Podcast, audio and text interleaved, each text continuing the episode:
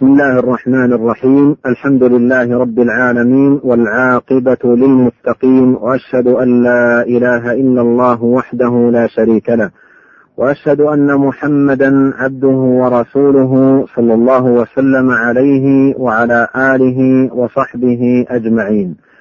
أما بعد السلام عليكم ورحمة الله وبركاته.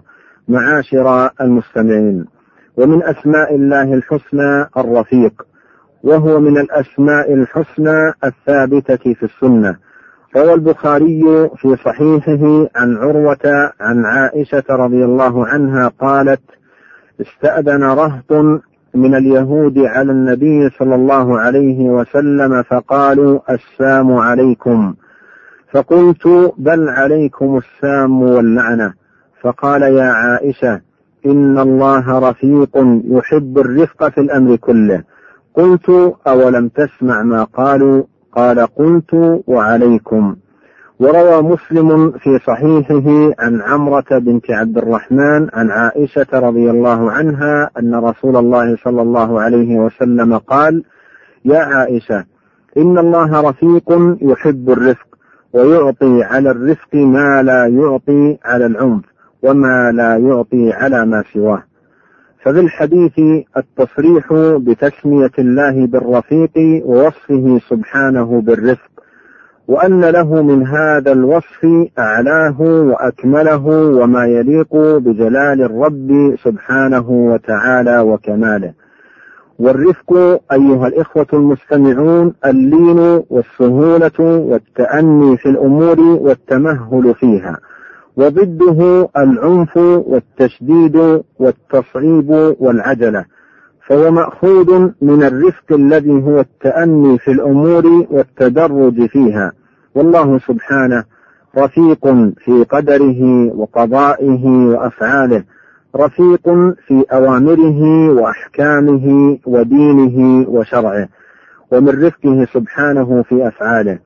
أنه سبحانه خلق المخلوقات كلها بالتدرج شيئا فشيئا بحسب حكمته ورفقه مع أنه قادر على خلقها دفعة واحدة وفي لحظة واحدة وهو دليل على حلم الله وحكمته وعلمه ولطفه.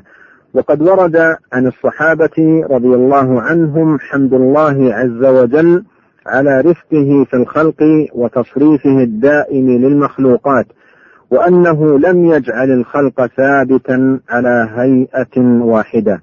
روى ابن أبي الدنيا بسند جيد عن الحسن البصري رحمه الله أنه قال كانوا يقولون يعني أصحاب النبي صلى الله عليه وسلم الحمد لله الرفيق. الذي لو جعل هذا الخلق خلقا دائما لا يتصرف لقال الشاك في الله لو كان لهذا الخلق ربا يحادثه. وإن الله عز وجل قد حادث بما ترون من الآيات. إنه جاء بضوء طبق ما بين الخافقين وجعل فيها معاشا وسراجا وهاجا. ثم إذا شاء ذهب بذلك الخلق. وجاء بظلمة طبقت ما بين الخافقين وجعل فيها سكنا ونجوما وقمرا منيرا. وإذا شاء بنى بناء يريد السحاب. وإذا شاء بنى بناء جعل فيه من المطر والبرق والرعد والصواعق ما شاء. وإذا شاء صرف ذلك. وإذا شاء جاء ببرد يقرقف الناس. وإذا شاء ذهب بذلك وجاء بحر يأخذ بأنفاس الناس. ليعلم الناس أن لهذا الخلق ربا هو يحادثه بما يرون من الآيات. كذلك إذا شاء ذهب بالدنيا وجاء بالآخرة.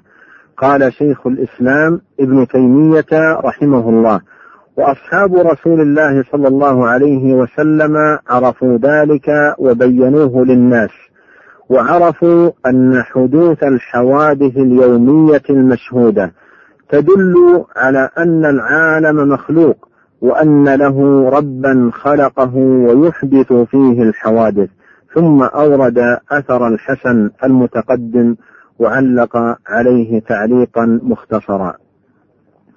أيها الإخوة المستمعون ومن رفق الله بعباده رفقه سبحانه بهم في أحكامه وأمره ونهيه فلا يكلف عباده ما لا يطيقون وجعل فعل الأوامر قدر الاستطاعة وأسقط عنهم كثيرا من الأعمال بمجرد المشقة رخصة لهم ورفقا بهم ورحمة لهم.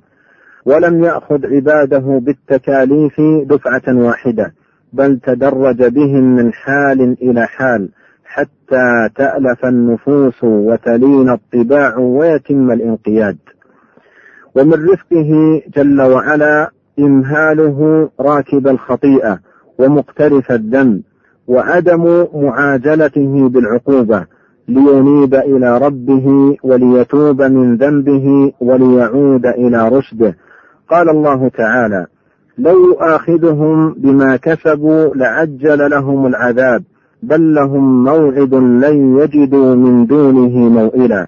وقال تعالى ولو يؤاخذ الله الناس بظلمهم ما ترك عليها من دابة ولكن يؤخرهم إلى أجل مسمى فإذا جاء أجلهم لا يستأخرون ساعة ولا يستقدمون.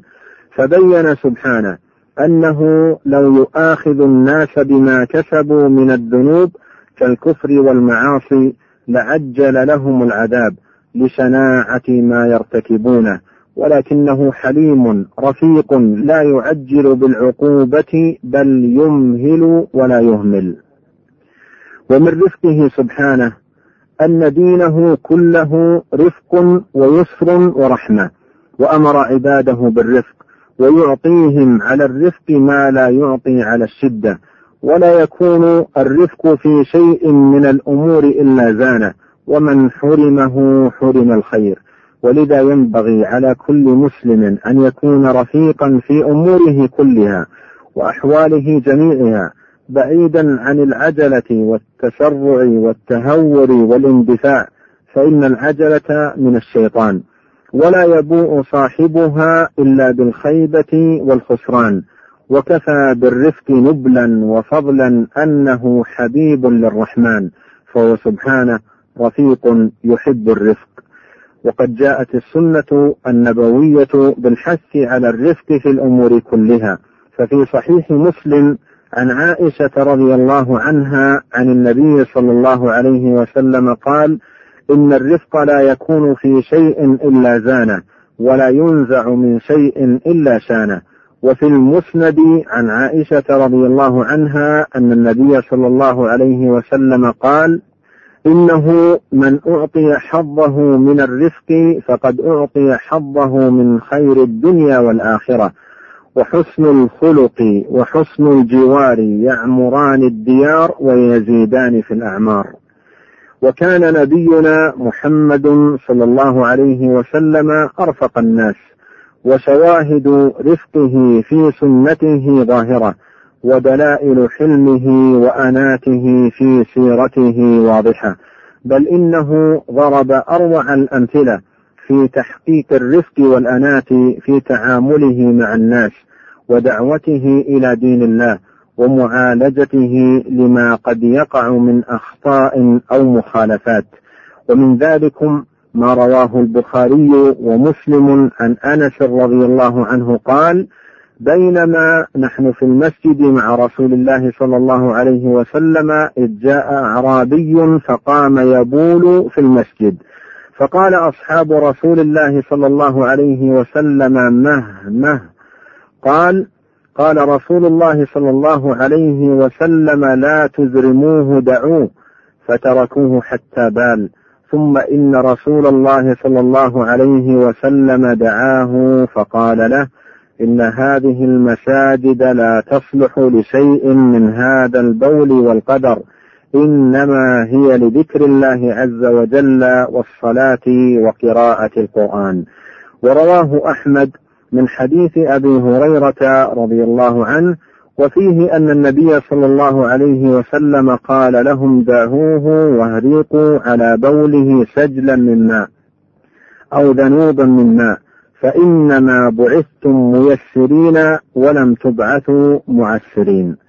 فربنا سبحانه رفيق يحب الرفق وديننا رفق ويسر كله.